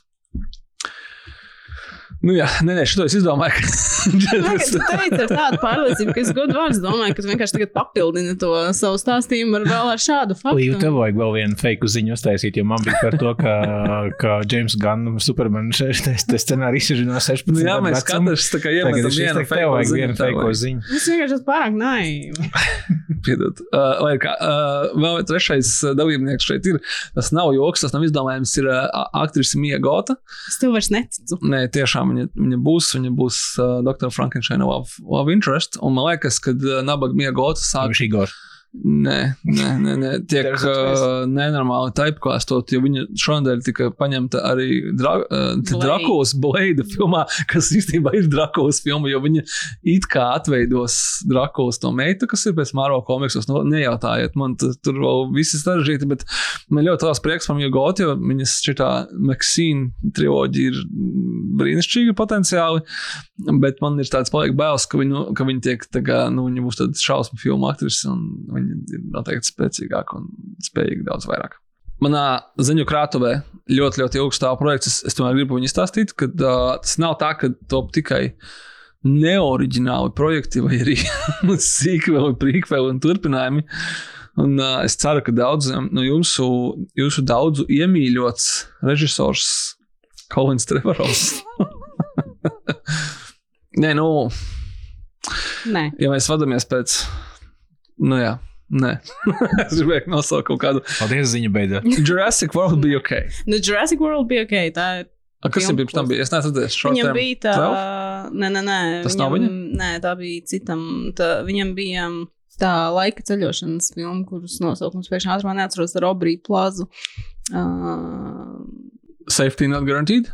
jā, Nu jā, to es redzējis. filma. Sorry, kaitinoša? Jep. Kāpēc? tāpēc, ka viņai ir tāda.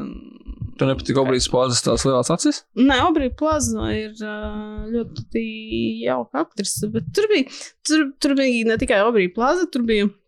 Uh, vienā no galvenajām lomām Marks Duplas. Ah, ok. un tad Tā ir Marka Duplasa filma ar sliktajām no tā izrietošajām sakām. Nu, tas tā, tā, tā atmosfēra. Tā, nu, kaut kas tur man drausmīgi tracināja. Tā. filma. Bet uh, nē, Jurassic World bija ok, un tad vispārējais, ko viņš ir darījis, ir bijis ļoti ne ok. Nu, es neskatījos to Book of Henry. Un es saprotu, nu, es arī ne, bet no atsauksmēm tur bija tā, ka labāk arī nemēģināja. Un viņa nav vēl tik tādā līmenī, kas tā kā, kad es jāskatās kā disastra filma. Nu, Es gan saprotu, ka, tur, ka tā jau ir arī disasters. tajā kategorijā. Ok. Es viņai esmu, es zinu visu plotu, un tur bija briesmīgas lietas. Vismaz tādā nu, nevajag, nu, lūdzu, nerekomendē. Man jau jāsas viss cits likās filmas, man pieteikt. Jā, 22% Krātuvē. okay. Kad nokāpa zem 20. Sold. Pasaki man, lūdzu, tā kā minēl, kad ir zem 20, tad es, tad es jau viņu ielikšu. 4,10 no 10. Sergejam vienkārši vajag vajag kaut kāds artificial intelligence, viņam uztaisīt šo te kaut kādu tā kā au- autobāju, vienkārši kā filmu Rotten Jep. Tomatoes, zem 20% automātiski tiek Amazonas pasūtīts būrējs. Lūk, bet uh, Kalns Trevorovs laikam ir lielā cieņā, kur uh, kur uh, viņam tiek dots gan tas pēdējais Jurassic World, kas bija terrible. Slikts. Terrible movie. Vienkārši, nu, nezinu, ļoti slikts. Tik, Briesmīgi. tik slikts, ka es pat nenoskatījos extended versiju. es saprotu, ka es neesmu tam gatavs. Pat, ja, pat ja vai vienkārši pat idejas pēc, lai es būtu vienīgais, kas viņu redzējis. Viņš bija tik slikts, ka jūsu atsauksmes dēļ es vienkārši neaizgāju viņu noskatīties. Es viņu vispār, nu, es pat nebiju īpaši Mēs aizgājām, lai jūs skatīties. Un likās, ka, nu, can it be? Tā kā, Izrādās, ka var būt tā kā much worse nekā tu vispār vari iedomāties. Uh, un uh, viņu nepaņēma uz pēdējo Star Wars. Lai gan es izlasīju to viņa pieteikumu, man viņš likās labāks nekā J.J. Abrams darinājums. Nu, tādā apraksta ziņā, bet ko mēs varam zināt? Varbūt, ka tomēr tur cilvēki jau bija, nezinu. Nu, sapratuši, gan jau kā apraksta līmenī arī Jurassic? Jurassic World Dominion izklausās. Ļoti grūti iedomāties, ka viņš varētu jebkādā formātā izklausīties labi. Nē, nu kā tu tur savāc vecos personāžus, jo te jau bija Un visi neko viņi nedaram. oriģinālais. Nu, jā, bet. And also dinosaurs. Jā. Nu, jā, nu. Lai kā arī būtu, Kolins Trevoros failo tikai un vienīgi upwards. Ja. Viņa priekšā jau beidzot nevis Star Wars 9, ne Jurassic World 3, īstenībā jau sanāk 6. Jā, jau tur 6 filmas sanāk. Jā, jā, es saskaitīju tikko galvā, viss kārtībā. Bet gan pilnīgi oriģināls projekts. Fantastikas filma ar nosaukumu Atlantis. Un tieši par to Atlantīdu, kuru jūs iedomājaties, tā filma arī būs. Kolins Trevoros esot liels Atlantīdas fans, ja tā mēs varam pateikt. Es nezinu, kā. Viņš bieži uz turieni atvaļinājumā. Bet tu vari būt fans kaut kam, ko tu nezini, vai tas ir, ir vai nav. jo mēs nevaram apgalvot, ka viņi nebija, bet mēs nevaram apgalvot arī, ka viņi bija.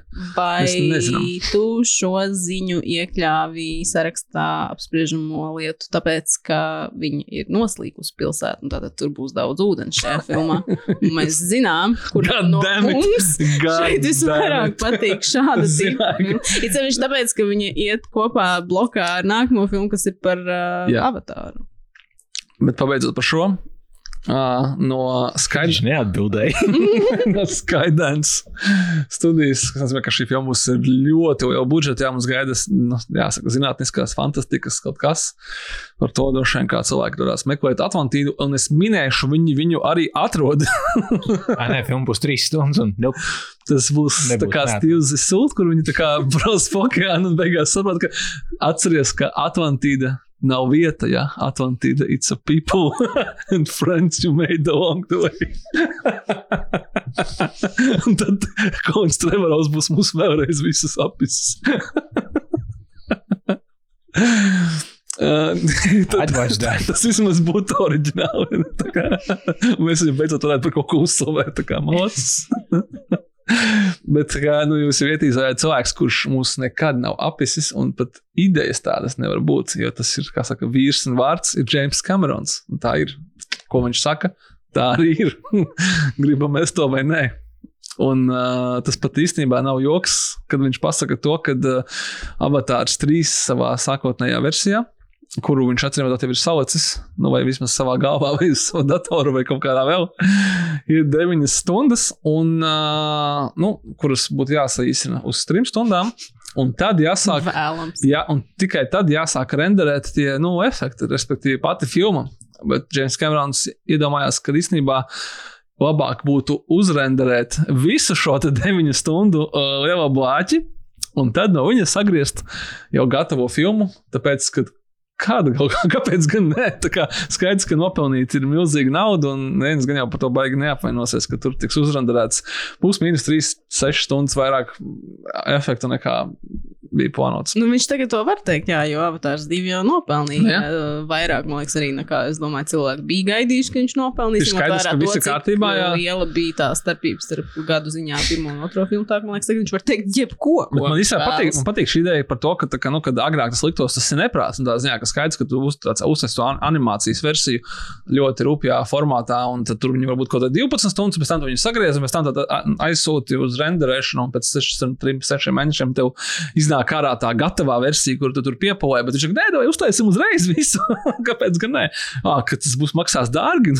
Jā, bet tas ir nopelnījums, tik naudas, ko jūs, ko jūs sāksieties. Bet, bet varbūt, kad to visu 9 stundīgo versiju var parādīt kā Disney plus miniseriālu. Kā, un vēl vairāk nopelnīt. uh, jā, nu, kā saka, man liekas, ka tā viss tas avatārs jau ir aizgājis dzīvot mazliet sa- savu dzīvi. Un, un es absolūti ticu, ka kad nākamreiz Džeims Kanāls teiks, ka mums vajadzētu uztaisīt kaut kādu avatāru pasauli, pirms tam, lai viņā kaut ko filmētu, pie, cik, cik var taisīt kaut kādus 3D anima, modeļus, tā kā pietiks taisam, taisam pa īstam, vai ne vienkārši. Un, jā. Uz mēnesi. Bet ko, pa- pats pēdējais, pats, pats pēdējais, ja šis bija jāsāc kā, jāsāc kā pēdējā ziņa, kā joka ziņa, nu, kas, kā mēs zinām, arī Džeims Kamerons visticamāk ka izrādīsies Viss taisnība. līdz šim bija nopietns. Nekā, nekāds joks nebūs. Iepra- Ierakstījām pagājušo podkāstu, un es aizgāju mājās, un tur jau man priekšā bija ziņa, ka Netflix gatavos savu uh, amerikāņu vai rietumu Squid Game versiju, kuru režisēs neviens cits kā Davids Finčers. Nē, nē, nē. Viņi, Jā, jā, jā, tiešām viņi gribētu, lai Viņi viņi režisē gribētu, jā, Davids Finčers. Es arī gribētu, lai es nezinu, Davids Finčers kaut ko režisē. Tas, ka tu gribi, nenozīmē, ka viņš to darīs. Bet pēc Davids Finčers, es nezinu, viņš par to ir informēts, viņš par to uzzināja caur ziņām, vai Nu, viņš to ieziņoja. ir Netflix paspārnē, viņam jau ir tas līgums. Nē, nu, saprotu, tas līgums Nu. nu. ir tāds, ka viņš dara, ko viņš grib. Nevis, ka Netflix viņam pasaka, tu tagad taisīsi Squid Game. Viņš vienkārši noklausījās, viņš beidz klausīties kinokūtu podkāstu, un tad viņš atvēra ziņas un ieraudzīja, ka viņam būs jātaisa Squid Games. Hmm. Bet uh, tas ir man šeit ļoti interesants, uh, te- interesants moments par to, ka, jā, kad ja viņi tā, nu, tā ziņa ir par to, ka viņi tā kā gribētu, vai viņš taisa. Bet ko tas nozīmē? It kā viņš pie viņiem ir, bet viņš jau ir Netflix tikai tāpēc, ka viņam ir apriebās tā studiju sistēma, kur tā kā viens prie, one for me, one for you, un tad izrādās, ka Netflixā var taisīt, nu, par nosacīt normālu naudu, tā kā for me, and for me, and for me, me. Nē, it kā, nu, jā, nu, mēs smejamies, bet tajā pašā laikā, ja viņam atļautu tur kaut kādu, ja viņš tur kaut kādu sev āķi atrastu, viņš jau nav tāds, kurš arī uzskatītu, ka tas ir, es nezinu, zem viņa goda kaut ko tādu darīt. Jo viņš jau, teiksim, Viņš jau ir taisījis, uh, Dragon Tattoo, Tattoo, jā. Viņš taisīja Gone Girl, kas bija nu, tāds beach read patiesībā Jā. kaut kādas vasaras.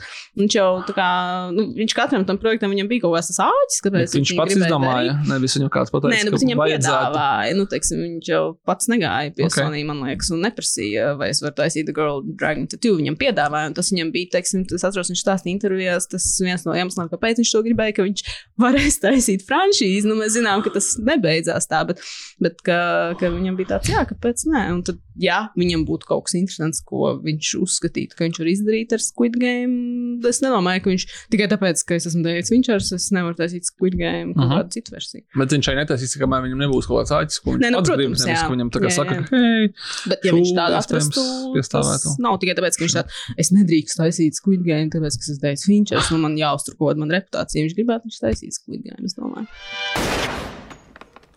Oh, I'm sorry. Did I break your concentration? Bet tagad gan mums ir uh, mazliet jāiereklamē par to, kas tad jūs gaida nākamajos kino kultūras seansos, un es būšu ļoti, ļoti lakonisks. Mēs skatīsimies Gaja Ričija jauno filmu jau otrdien, 25. aprīlī.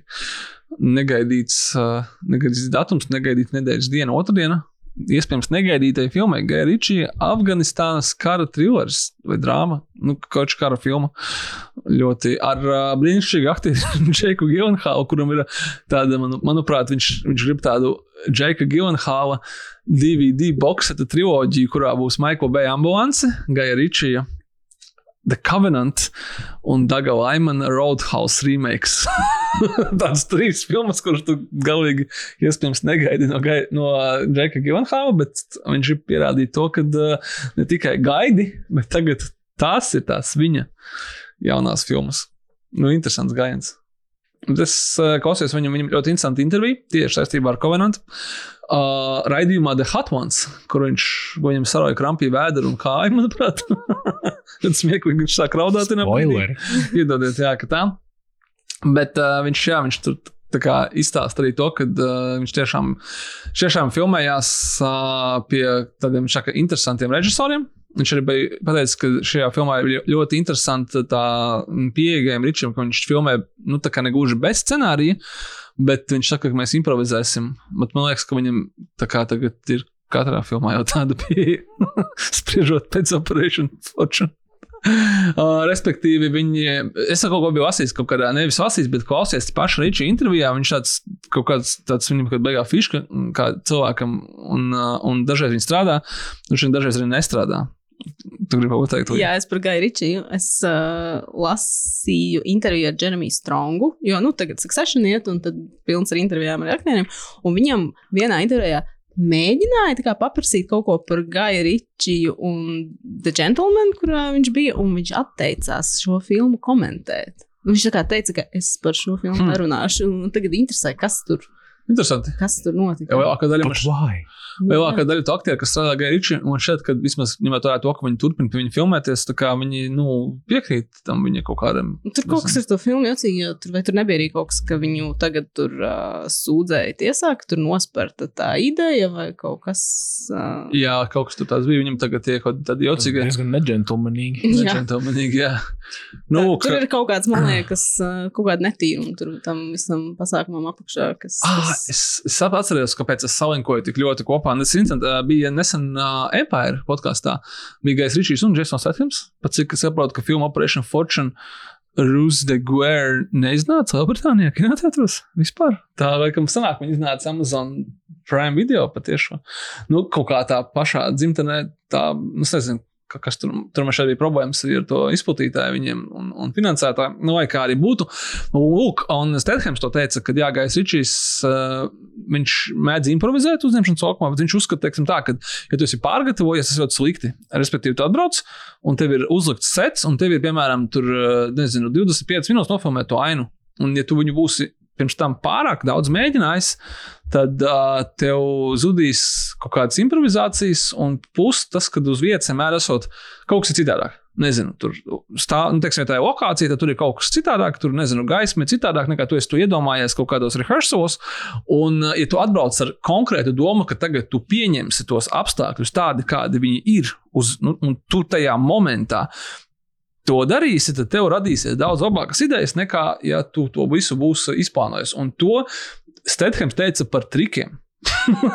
šeit, kad es esmu parasti pieredzējis, kad es divas nedēļas rehearsēju kaut kādu kautiņu, ar šeit tā, mēs atbraucam un saka, tā, vai džeki, 5 minūtes, tu izmēģini ar kaskadieriem, un tad tu viņus tur uh, aizmet to čau tur, to čau tur un to čau tur, un to apskatāmies, kur labāk izskatās, un uz vietas tiek izdomāta choreogrāfija.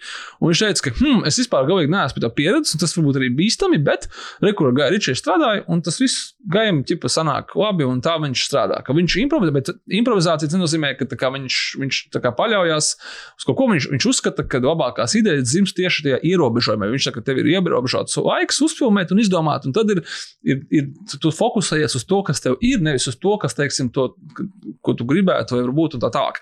Un uh, Givenhals teica to pašu, ka viņam uh, atsūtīja ķipa scenāriju, kurš ir bijis uz kaut kādām tur 40 lapām. Priekšpilnētāju filmas tas ir ļoti, ļoti maz. Un Gairs Ričs ir pielicis klāt nautu, ka ķipa dialogus nemācies. Nevajadzēs, tā kā mēs izdomāsim to uz vietas, mēs brauksim, filmēsim, skatīsimies, kā būs. Tā kā, nu, domāju, ka tas arī priekš aktieru ir diezgan liels izaicinājums. Un viņš teica, tas bija ļoti interesanti, neparasti, tā kā fantastiska pieredze un tā tālāk. Kā, varbūt, kad uh, Gairs Ričs zina, ko viņš dara. Varbūt. Cerams. Mēs nezinām, jā. Mēs, mēs skatīsimies, kad jūs to klausāties šo podkāstu. Cerams, ka mēs būsim jau noskatījušies, vai arī mēs esam gandrīz jau noskatījušies. Vai tikai skatīsimies, ja esat laicīgais podkāstu klausītājs. Nu, un kā jautāja šodien uh, kinokūta patronu čatā, neminēsim, kurš? Nu, to nevajag minēt. Ko? Guardians of the Galaxy 3 biļetes jau ir pārdošanā? Wow, yes! Viņas ir gan, un mums ir veseli divi seansi trešdien. 3. maijā, 18.30 un 22.30. Abi būs ar Viktorīnu, ko mēs taisām kopā ar Kino Viktorīnas un kopā ar Zigi. Tā kā šoreiz viss būs par un ap galaktikas sargiem. Tā ir pēdējā reize, kā mums sola, ka mēs šo komandu redzam uz liela ekrāna šādā sastāvā, vai ko tas arī nozīmētu. Un tā visticamākais ir pēdējā Jamesa Gana Marvel filma. to gan mēs nezinām, bet mēs visticamākais varam diezgan droši apgalvot. Vismaz uz kādu noteiktu laiku. Tā kā nāciet, es nezinu, es neko neesmu aizmirsis, man šeit mums nekā cita jaunas sēnes nav vairs ieplānota pēc tam. Nu, ja jūs klausāties vēl tagad ļoti ātri, tad iespējams jūs varat vēl paspēt uz Bow is Afraid. A, jā, pareizi. Bet uz to jums vajadzētu paspēt, jebkurā gadījumā. Tā ir noteikti filma, par kuru būs jārunā daudz, un viņa kā, kā, kā krīt kaut ko dissekt, anglisko vārdu. Izķidāt. Izcidāt. Es tieši to pašu vārdu iedomājos. Tas ir oficiāli Absolūti. Es domāju, tagad. ka, es domāju, ka tā ir tā filma, kas tā, ka viņa ne- nevis ir apspriežama, bet viņa ir izķidājama. Uh, un par viņu diezgan daudz cilvēku runās. Un daudz ir runās, ka viņi viņu nesaprata. Vai ko Nu, viņi saprata? atsauksmes ir ļoti Ļoti, intriģējošas. ļoti savāda, labā nozīmē filma. Tā kā o, ne, ne, nepaspēsiet uz mūsu sēnesi, paspēsiet uz kādu no citiem. Bet mūsu sēns ir svētdien, Jā, 23. jā. jūlijā. Tieši tā. Svētdienā, neparasti, kad mums, mums par ir bijis kāds kinokults. Ne, bet mēs, mums arī Astars piezīmēja, pateica Džeki, ka, ja taisat, taisat svētdienā tā, vai cilvēki nogrūzīti ir visu nedēļu uz priekšu. Kā, Lūdzu, es, es priekš tam strādāju, priekš jums, un jūs lūdzu tagad strādājat turpiniet to. Un mēs teicām, labi. un jā, jau kā. Nu, tāpēc, ka, zin kā, es atbrauksiet no kaut kādiem saviem barbecue pirmajiem pavasariem, es oh, foršo filmu noskatīšos, tad tāds pizdiets vienkārši. Pirmdien, pirmdien labāk brīvi paņemiet, ja var, jau tagad. Tāpat tas būs jādara. Yeah, well, you know, that's just like uh, your opinion, man. Un šoreiz sadaļā, ko tad mēs esam noskatījušies, vai mazliet citādāk, mēs esam. Mēs esam redzējuši, filmu. Ah, nu, būs mums filmas arī. Ko mums ir jāpiemina viena filma, kur joprojām ir Latvijas kinoteātris repertuārā. Un mēs ļoti ceram, ka tik drīz nepazudīs, pēc ka jūs tagad noklausīsieties un aiziesiet noskatīties vai nu re- pirmo reizi, vai nu atkārtot, ja mēs jums atgādināsim par to, cik tā filma ir forša. Jo viņa ir pelnījusi. ka Un mēs nemaz negaidījām, ka viņi būs tik forši. Un, godīgi sakot, nebija nekāda pamata gaidīt. Mums būtu uzmanīgi cerēt, tā kā tā piesardzīgi cerēt. Filmas saucās Dungeons and Dragons, Honor Amongst Thieves. Un, uh, Man liekas, tur jau tas nosaukums viens tā nogalināja tās cerības sākumā, ka, nu, ka viņš ir tāds nu, neveikls. M- Ka bet tu jau tā kā Dungeons and Dragons, tu pirmkārt jau cīnies ar kaut kādiem stereotipiem, un tad vēl pieliec to filma, pilnīgi filmas. neko nesakošo Honor Among Thieves. no, tā kā- nesajauc ar veco filmu. kā, bet- tas viss izklausījās tā kā pēc totālas receptes neveiksmē, bet tā nebija. Šī filma ir fantastiskākais pārsteigums. Jā, viņi ir. Tas ir kaut kas līdzīgs, kā man šeit bija sākumā ar LEGO mūviju. Tā kā, come on, tā kā, tā kā jūs gribat man pārdot tagad to visu vēl arī tā kā kino, es tā kā, nu, rādat man kaut kādu komerciālu, par kuru es tagad maksāšu. Un Dungeons and Dragons likās tā, ka, mm, wow, jums ir, jums ir transformeri, un tagad jums ir Dungeons and Dragons, kas ir jūs esat. Ar domu Hasbro korporāciju. Tagad jūs man mēģināt pārdot kārtībā savu franšīzi, ko jūs tur tagad gribat. Nu, tā ziņā kaut kāda kor korporatīvā pasaule uzbruk. Bet, uh, jā, tā filma nebija nekādas tiesības būt tik labai, cik viņa bija. Viņa bija ļoti, ļoti laba. Brīnišķīgi. Viņa bija, diemžēl, man ir jāsalīdzina citām filmām tieši tas, kam bija jābūt jā, Shazam divi. Jā, Un Tam, tam bija jābūt. Viņa ir fun, viņa ir smieklīga, bet viņa nav histēriska. Viņa nav parodija, viņa nevelš ceturto sienu. Viņa ir smieklīga filmas pasaulē. Viņa ir viegla, viņa nav muļķīga, un viņa ir ļoti aizraujoša, un viņu ir patīkami skatīties. Viņa ir forša vienkārši. viņa ir tā kā pārdomāta. Mēs tieši tā bija viena no pirmajām lietām, par ko mēs uzreiz pēc sēnes beigām runājām, ka viņa visas, teiksim, akcionājas, jo tur ir daudz Kuras nav, uz, tas nav par akcionārām. Jā, tas ir viņas pārdomāts. pirmkārt, jā, viņas tā kā, nu, ir iemesls, kāpēc viņas tur ir. Un viņām katrai ir, tā kā, varbūt tas nav nekas tāds, ko tu nekad neesi redzējis, bet, Bet tur viņas viņai katrai ir izdomāts kaut kāds, jā, āķīts, kaut kāda oriģināla detaļa, kaut kas, kas kā liek, nu, tā nav, tu skaties, kā, ah, nu tagad viņi tur skries un cīnīsies, ok, viņiem tur uzbrūk puķis. Puķis ir tā kā. Nē, kā, pat, pat, pat superhero Vai- filmās, kuras man patīk, mēs zinām, ka tā aina, kur tu redzi, ka viņi ieskan kaut kādā nedod dievs, nezinu, fabrikā vai kaut kur vēl, un tu domā, nu, tūlīt viņi vienkārši, nu, tūlīt būs atkal gāzīsies kaut kādas mājas, un tu to esi visu jau redzējis, nu, cik, cik var un tā, bet šeit nav, tas nav tāds sajūta, wow, tā kā, tā kā forward, fast forward, es esmu redzējis to kaut kādu efektu mūdzi jau cik nu, reizes. Tā, jā.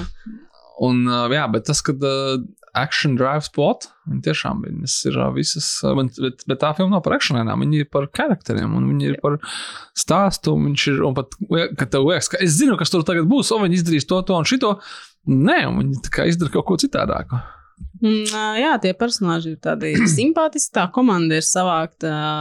Arī atkal, nu, tur ir visas tās pašas standarta lietas, ko tu jebkad dzīvē esi redzējis. Kaut kādas dažādiem misfiti no dažādām dzīves jomām, dažādām tur, nu, ne rasēm gluži šoreiz, bet no dažādām, nezinu, nu, no sērijas rūķi un elfi un Jep. vispārējie. Bet viņi katrs atkal ir ar kaut kādu to savu knifiņu.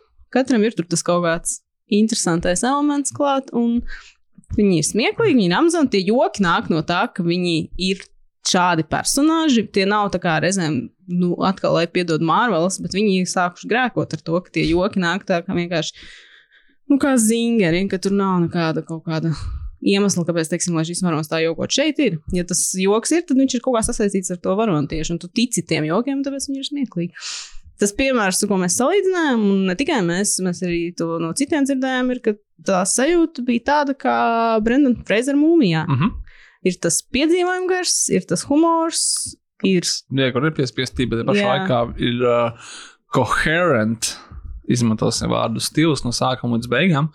Un tā kā neraujās kaut kas baigi ārā. Un es tiešām biju pārsmējusies un brīnišķīgi pavadījusi laiku. Tur sākums vien jau ir, kad izpaina to monologu par, par to, ka viņš kā, nu, tur sākumā ir cietumā, un tad viņš kā tur stāsta. Tas, Viņš ir dungeonā. jā, viņš ir dungeonā. Un tur ir arī dragons. So, it's, Nu, tur it's ir viss, jā, tur kā ļoti ātri viņi pastāsta, kas šī filma būs, un tad arī šo tu, solījumu tur. Un, uh, es tiešām, es nekad dzīvē nebiju domājis, ka filma Dungeons and Dragons Honor Among Thieves man sagādās tik daudz prieka. Kaut biežāk tā gadītos. Šī ir reta filma, kuras tā kā. Tā kā sevis domāju, nu, Lūdzu, tā kā Lūdzu, nopelnīja daudz naudas, lai uztaisītu vēl vienu sēriju. Un viņi tikpat labi, nu, tā ziņā, vai vismaz uz pusi. Un tas jau būs vien labi. Uh, tu man atgādināji, zini, ko tikko par to humoru. Jā, uh, off-topics, bet īstenībā ļoti interesanti skatīties, kā mainās kino. Lai gan tie ir 40 gadi.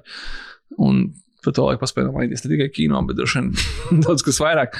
Kad uh, mums bija The- The Evil Dead Sands, un tā ir 81. gada filma. Un tur ir, tu redzi, ka kā, nu, viņi ir. Nav tik novecojis, tur teiksim, kaut kādi šausmīgi momenti, un tu saproti, ka, ja tā būtu mūsdienu filma, tad pēc katra tā šausmīgā momenta ir pilnīgi kameras tāds close-ups uz Brūsu Campbellu. Un tu gaidi, ka viņš tūlīt pateiks kaut kādu joku, tāpēc, ka tu esi pieredzējis, ka tas vienmēr ir pat šausmu filmās, vai tas ir kaut kādās, teiksim, Marvel filmās vai spriedzes filmās, kad ir kaut kāds spriedzes moments, un viņš vienmēr pēc, tā kā būsim godīgi, nu jau jāsaka, hauda šabloniem, tev vajag bišķi izvādēt to situāciju, un kaut kas smieklīgs jāpasaka, vai tas skatītājs, kurš ir tā kā sažmiedzies bailēs, nu viņš mazliet tā kā viņu atlaist vaļā, un tur nav tā joka, un viņš neko nepasaka smieklīgi, un tas klausums vienkārši beidzās, un tālāk, nākamais kaut kāds horror moments. Tas likās, ka, nu, jā, kādreiz viņiem nelikās, ka obligāti man tagad ir jāpasaka kaut kas smieklīgs. Vienkārši, nu, vai tiem, kas tur baigi ir sarāvušies, vai tur mazliet tā kā var izlādēties. Bet, nu, tā ir mūsdienās. Bet Dungeons and Dragons nav horror filma, tā kā tur nepārprotiet, tur nav nekā Tā ir šausmīga. tad brīnišķīgi piedzīvojumi. Visai ģimenei. Visai ģimenei. Jā, tur ir ļoti labs mm, Hugh Grants. Jā. Negaidīts, kāpēc mēs nerunājam par Hugh Grant atgriešanos. Viņš, viņš visu laiku atgriežas. Viņš jau nekur Viņš nebija pazudis. He never left. Kā...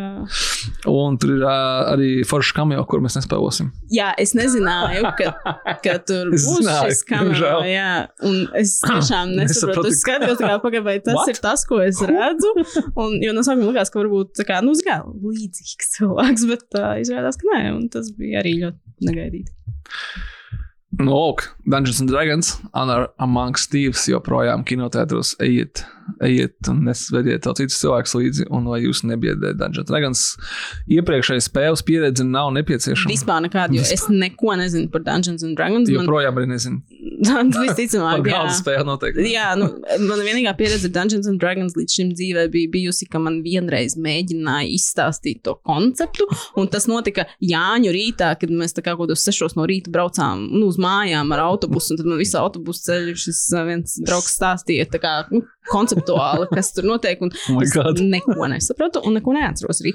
Tā kā Jā, tas es neko par Dungeons and Dragons tādu nezināju, bet es skatījos filmu, man tas nekādā veidā netraucē. Man šķiet, ka to jau vienkārši izstāstīt nav baigi tā kā viegls darbs, bet vēl Jāņa rītā. Es, es, gribētu Jā. šeit, es gribētu šeit citēt kādu tantiņu, ar kuru mēs savulaik, braucām kopā Jāņa rītā, un viņa Rīgas autoostā kā pārā ar vārdiem paldies Dievam, šis murgs ir beidzies. Bet vienkārši tajā nu, tā kā līgo vakarā svinēšanas laikā tur kaut kā bija aizsācies. No doma bija tā, kā, nu, ka mēs varētu kādreiz pamēģināt. Un tad, nu, tad mēs vienkārši mēs braucām kopā vienā no autobusā, tad viņš mēģināja man pārliecināt, nu, ka tiešām kaut kas būs jāmēģina. Bet, nu, diemžēl nav tā nekas. Man liekas, ka tu sākumā teiksi, ka uh, es nezinu, gāju pa brīvības jau man pienāca klāt divi jauni cilvēki un teica, vai mēs varam ieinteresēt jūs kādā Dungeons and Dragons spēlē. Lūk, ja to viņi piedāvātu, man liekas, viņiem iet krietni veiksmīgāk. Es domāju, nekā viņu ticības sludināšanu. Have you heard about our DM and Savior? Jā. Tieši tā. Nu, lūk, un uh, vēl, ja nu, ja nu kāds no tiem, kas mūs klausās, nav noskatījies HBO seriālu White Lotus, pirmo vai otro sezonu, vai abas, tad mēs mēģināsim nākamo minūšu laikā jūs pārliecināt par to, ka tas ir jādara. Un fonā Toms uzliks to sākuma melodiju šajā brīdī, lai paskan. Bet mēs tikmēr sāksim to, ka, kas, kas tev notrigeroja, ka tev viennoskatās White Lotus. Tu, viņš bija mans sarakstā, un Ah, ok. okay. pienāca kārta. Tas ir parasti, kas man ir grūti skatīties. Bet nu, tur vienmēr palīdz tas, ka ir tas hype ap šo seriālu. Tu gribi skatīties vairāk, tu nejūti to pienākumu apziņu, ka man jāsaka, tāpēc, ka es jau ieliku šajā sarakstā. Te bija tā, ka jānoskatās, jo visi par viņu runā, viņam visas šīs balvas ir iedotas, tur Emīļa, Zelta globus un tālāk. Tad nu, es noskatījos, tāds nu, saprotu, jā, kāpēc. Bet tas ir pirmā sezona. Es pagaidām nostājos tikai pirmo sezonu, es vēl netiku līdz otrajai. Tā man tagad vēl ir tikai priekšā. Bet, uh, viņai, bet viņai jau, es saprotu, tu vari arī noskatīties otro sezonu. Viņa jau tā kā ir tāda antoloģijas variants. Es saprotu, ka viens personāžs atkārtojas. Nu, jā, viņas ir tā kā tas, tas personāžs saistīts, viņš ir saistīts. Tas nāk, ka chronoloģiski viņi tomēr Nu, pirmā, jā, un bet, teiksim, otrā. ja tu skaties otro sezonu, nu, tu teiksim, nesaprastu. Nē, nē, nē, viss būtu kārtībā. Tu varbūt, varbūt nu, tā ziņā, ka visu saprastu tāpatās, un ko, nesa, ko, ko neizstāstītu, to tu iedomātos, un arī droši vien, ka neko nezaudētu baigi. Bet es tev ieteiktu to sarakstu kaut kā pārveidot tā, ka tev jāskatās ir abas sezonas pēc kārtas, un tev nav jāgaida tagad nākamie 50 sarakstu. Ah, nē, nē, nē, es skatīšos uzreiz arī otro. Es vienkārši burtiski iepriekšējā vakarā. Jā, bet es domāju, ka arī varbūt ka šī seriāla, kaut, es arī noskatījos pirmo un otro uzreiz sezonu. Nu, Kaut kādā ziņā pat binžojot. Bet man liekas, ka laikam, šī seriāla tomēr eh, burvība vairāk ir tāda, ja viņš tev nu, tu viņu nebinžotu. Viņu skaties tā kā mm. pa vienai sērijai, tomēr tā kā bija izbaudot. Un tas tā ziņā, ka cilvēki, kas skatījās viņu, ka viņš nāca ārā uh, nu, pat nedēļai, tad varbūt kad ir bijuši lielāki ieguvēji nekā tie, kas viņu baigi binžoja. Tas, kas ir ļoti maz, un ja tu viņus apēdi, viņas vairs nav. Un viņas var tikai atkārtot skatīties, bet, uh, bet viņas ir tādas, kuras man šeit var izbaudīt, vai tā kā to visu vidi tajā seriālā. Un tas personāžs. Es va- varbūt man nepiekritīs, bet man šķiet, ka Succession ir tas pats. Jo es kaut kādu pirmo vai pat pirmās divas sezonas tā kā, nu, diezgan binžoju.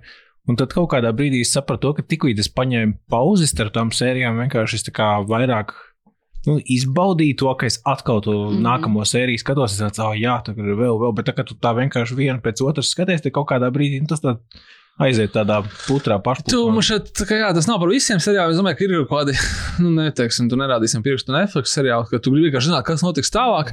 Bet tev tas viss jau aiziet kā, kā būrs, un tas nu, man šeit bija negluži necieņa, bet ir kaut kā tādi, kur ir pārāk daudz detaļas ielikts iekšā, vai tu viņus tā kā tā vienkārši izrautu cauri. Un tu gribot, negribot, nepamani kaut ko vairāk. Un, un šitais ir tāds, kurš tā kā tev, teiksim, ik, iknedēļas būtu tāda deva kaut kāda saules mazliet un tāda, tāda interesantu momentu. Nu, viņš ir no tiem, ko, jā, ko vajag noprocesēt. Uh, Vai kad tā kā tur bet, ir ā, čērņi nu, tā Saturiski. kā, nē, nu, Konstants. Cil- Cilvēcīgi čērņi.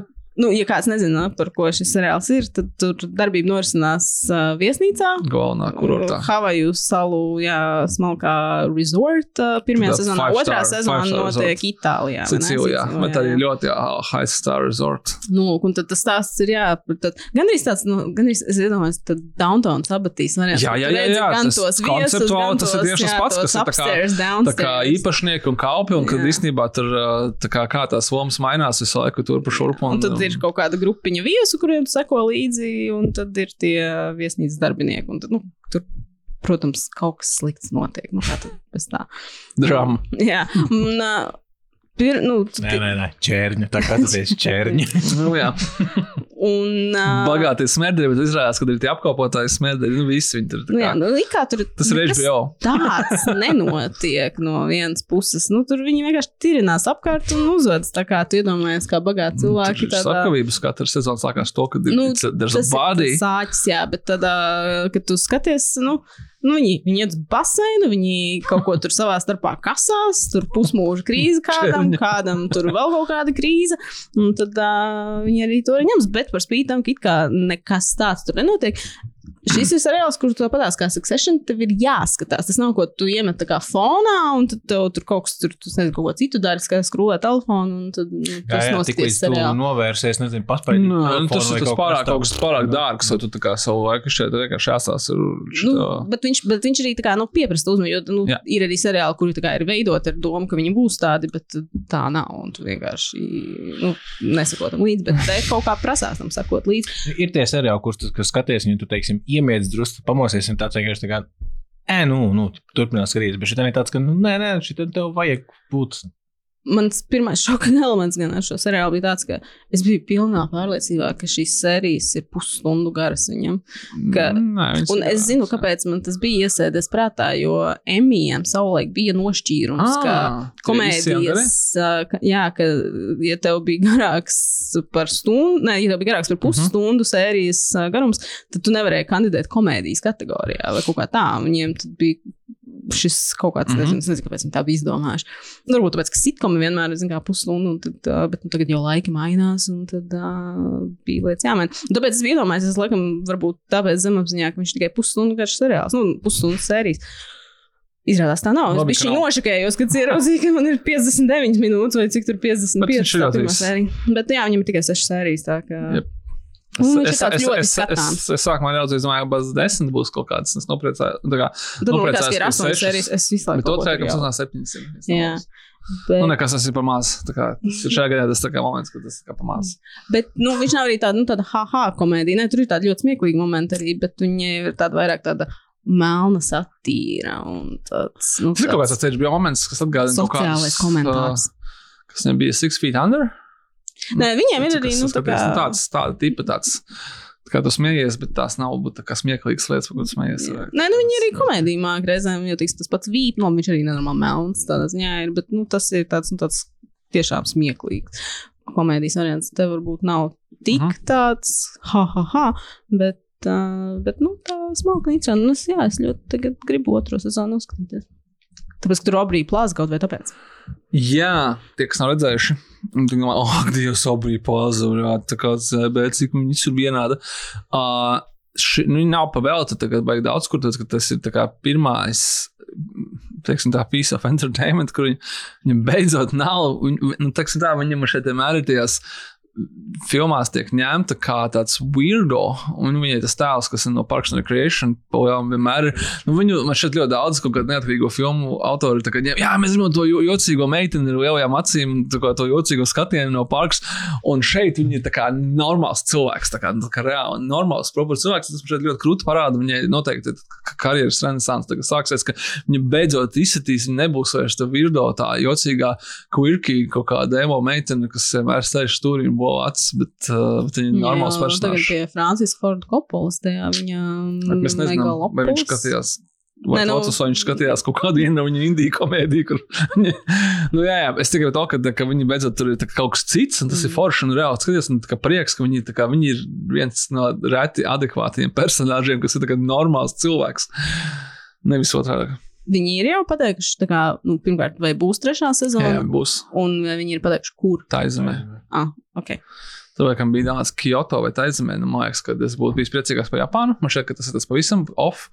Uh, Taizemē kaut kā šķiet, šķiet ka beigas Havaju savām līdzīgi. Nu, tā Nu, estēt, estētiski Jā, jā, kaut kā, nu, būsim godīgi. Tā vai tā Tur ir Sicīlija. kaut kāda, kur ir Eiropa. pludmales un Jā, nu, zin kā, okeāns. Kā Eiropa. Nu, jā, nu, tur gan viņi skatās, kas viņiem tur, tur, tā, tur ir te tematiski darbi visvairāk. Un, nu, Tā, nu, vai, vai būtu.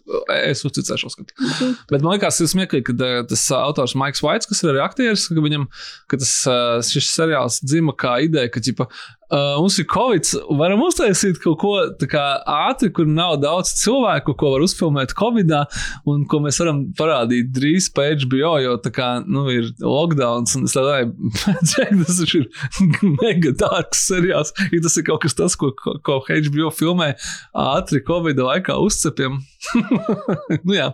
Bet viņš jau oriģināli nebija domāts ar otro sezonu. Viņš jau Jā. bija pasniegts kā. Jā, jā, jā, viņš bija domāts, ka, saku, viņš bija domāts, ka varam, Minis ā- vari ātri. Maik, tu mums esi daudz strādājis, uztaisīt kaut ko. Ir kaut kādas idejas, uztaisām kaut ko ātri, ko parādīt Covid-19. Ja mums tikpat trūkst saturs, un mums ir lielajā projekta uz pauzes, ko tu nevari filmēt tā kā lockdownā. Izdomā kaut ko, kas ir tā kā, nu, tajā pirmajā sezonā, Bet laikam. nu, viņi, jau, viņi jau visu laiku sēž tajā viesnīcā. Jā, viņi arī filmēja ārpus, viņi arī filmēja Viņas robežām nu, tikai tik, cik okeānā izpauda. Viņi tā darbība norisinās kaut kādās pāris patiesībā. Jā, jā, tāpēc arī, arī teiksim, pirmajā sezonā ir īpaši, otrajā īstenībā tas mazāk, nu, tur viņi bija izbraucis, bet pirmajā sezonā ir tā, ka, ka tā viesnīca bija brīva, tāpēc, ka ir, ir Covid un neviens tur nedzīvo, so viņi var noīrēt to, to Hiltonu un viņi var atbraukt un viņi tur visi.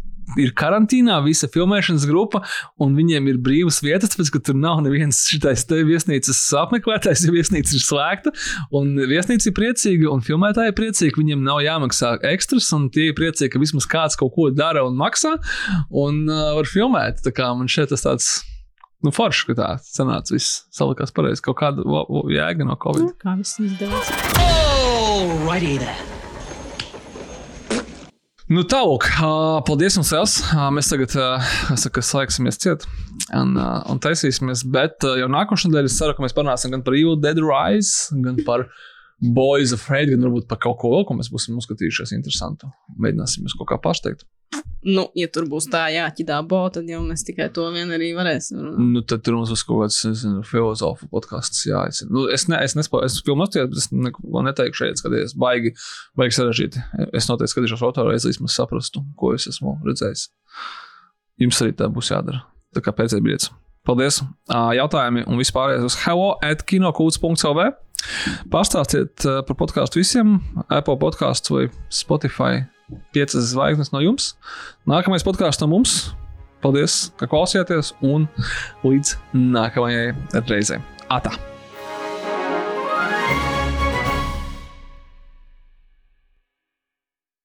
Were you killed in the Battle of the Evermores? Yes. Four more questions, right? Yes. No, no, no. That, wa- that wasn't for you. Did that count as a question? Yes. Damn it. Only answer when I talk to you. Okay? Yes. Why did you say okay at the end of that? I didn't. Fantastic. Where's the shovel?